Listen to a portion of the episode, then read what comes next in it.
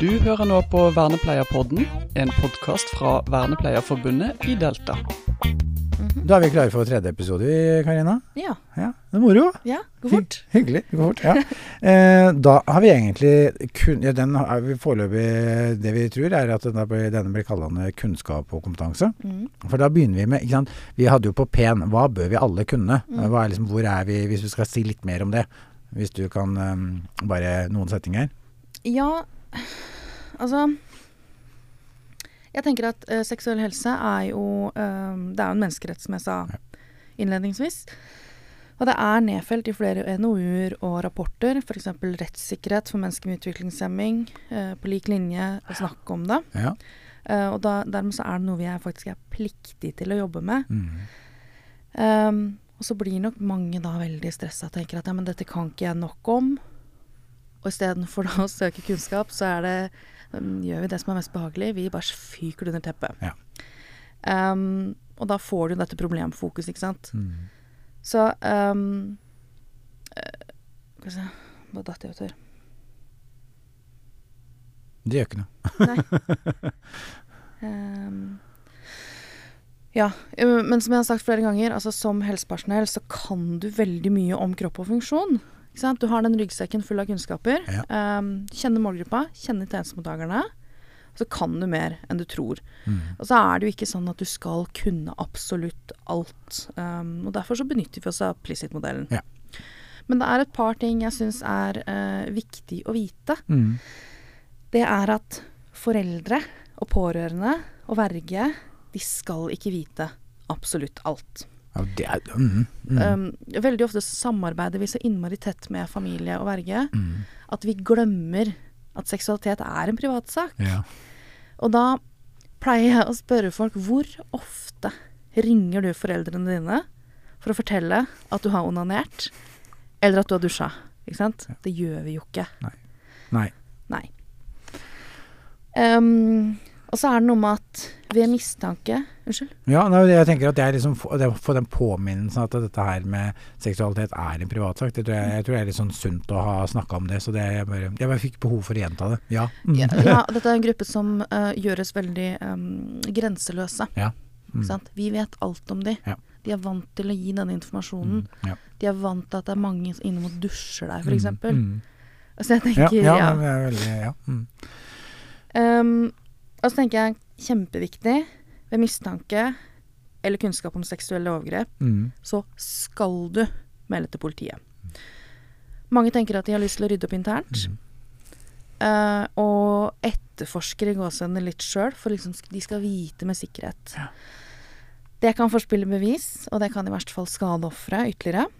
Og så er det straffbart, og det er viktig at vi vet. Vi har en melde- og en avvergelsesplikt. Mm. Um, så gjør deg kjent med Bufdirs retningslinjer. Jeg pleier å si he, altså henge opp de listene på do, for Ja. da blir de lest. Ja. Um, Mm. store mørketall. Mm. Fordi vi ikke anmelder. Jeg tror jeg, jeg tror jeg er beskrivelig viktig, for det er nettopp, og du, du underbygger det veldig, nettopp ved å på en måte si noe om at du kan eh, At det er, det er ikke vårt ansvar å etterforske, og hvis vi begynner der, så kan vi ødelegge mer enn vi Eller vi er ganske trygge på at vi ødelegger mer enn vi, vi ordner opp i, og det er viktig, og det er ikke vår jobb. Nei. Nei. Og så må man være forberedt på at det mest sannsynlig blir henlagt. Mm, ja. Det er helt forferdelig, Ja. men, Ja. men det gjøres det. Men det betyr ikke at vi ikke skal Nei. ta tak. Nei. Bra. Da fikk du liksom sagt litt om hva er Da, da fikk du sagt litt om P-en, Ja. Uh, syns jeg. For at det er det vi det er, det, er, særlig to områder vi skal være bevisst på. Mm. Uh, I tillegg til den der ryggsekken som du, som du sånn fint beskrev. Den har vi egentlig. Mm. Uh, og så har jeg lyst til å liksom si at vi må på en måte Hvis vi, hvis vi veit at vi har noen sånne der eh, rare holdninger som ikke resten av samfunnet har, så må vi på en måte legge dem til side. For det kan vi ikke ta i den eh, som, som helsepersonell, tenker jeg. Jeg er helt enig. Eh, men så kan det hende at eh, å, ble, dette var egentlig artige episoder, det får vi håpe at folk tenker. Men Mhm. altså, dette er jo et tema jeg syns er mer spennende. Hvor kan man, hvis man har lyst til å liksom begynne sjøl Hvis jeg skal litt over på den, eh, oppover den uh, pyramiden, da. Mm. Eh, så jeg tenkte det, jeg kasta den ballen også der. Hvor, hvor, hvordan gjør man det, hvis man får lyst til det? For det er jo fint hvis noen flere blir nysgjerrige og har lyst til å få mer kunnskap. Absolutt. eh, Velkommen i gjengen. Ja. altså, eh, jeg har bare lyst til å si det først, at det er noe med å venne seg til å snakke om seksuell helse. Og da handler det om å øve. Uh, og litt sånn øve i fredstid, ikke bare når problemene dukker opp. Mm. Snakk med kolleger om seksuell helse, sett det på agendaen, Mm. og ikke gjør det for stort. Mm. Bruk Plissit. Uh, men altså, hvordan snakker vi om følelser, f.eks.?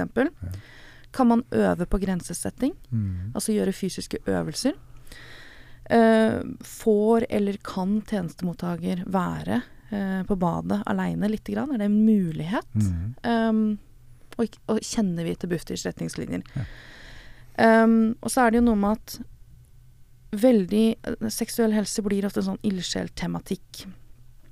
Uh, det finnes en del undersøkelser, også norske, som viser at folk som jobber med seksuell helse, de føler seg veldig alene. Det, du tar det opp én til to ganger på personalmøtet, og så blir du hun sexdama eller han sexduden. Og så blir det sånn åh, nå begynner jeg igjen. Ikke sant? Mm. Det er mange som kjenner på. Ja. Bare så man er klar over Ja, det. At vi, vi, må, vi må gjøre noe ute i tjenesten. Ja. Og dette tenker jeg, det eh, det er utdanningssystemet Mm. som må steppe det opp her. Ja. Men så fins det mye gode verktøy der ute for de som har lyst til å lære mer. Mm. Um, NFSS sine nettsider, Norsk nettverk for er det uh, funksjonshemmedes seksualitet og samliv, tror jeg det står for. Ja. Uh, bare så vant til å bruke forkortelsen. Ja. Um, som har en egen konferanse uh, som er, finner sted i april i Fredrikstad i år. Tror jeg det er. Mm. Um, de har en egen nettside. Masse gode ressurser. Uh, NAKU har en, en ressursside. Uh, Oslo Met. Jeg tenker at kan, vi kan legge linkene i, Ja, i fint. Hva heter det? Show notes. Er det det ja? Vi, Ja. vi har i hvert fall et sted uledelig Ja. Ja, flott. flott. Uh, så folk slipper å leite Ja, masse. ja. Så jeg, jeg er jo fra Likestillingssenteret, Ja. så jeg må jo si må vi, vi har også en del kurs ja. som er uh, gratis. Ja.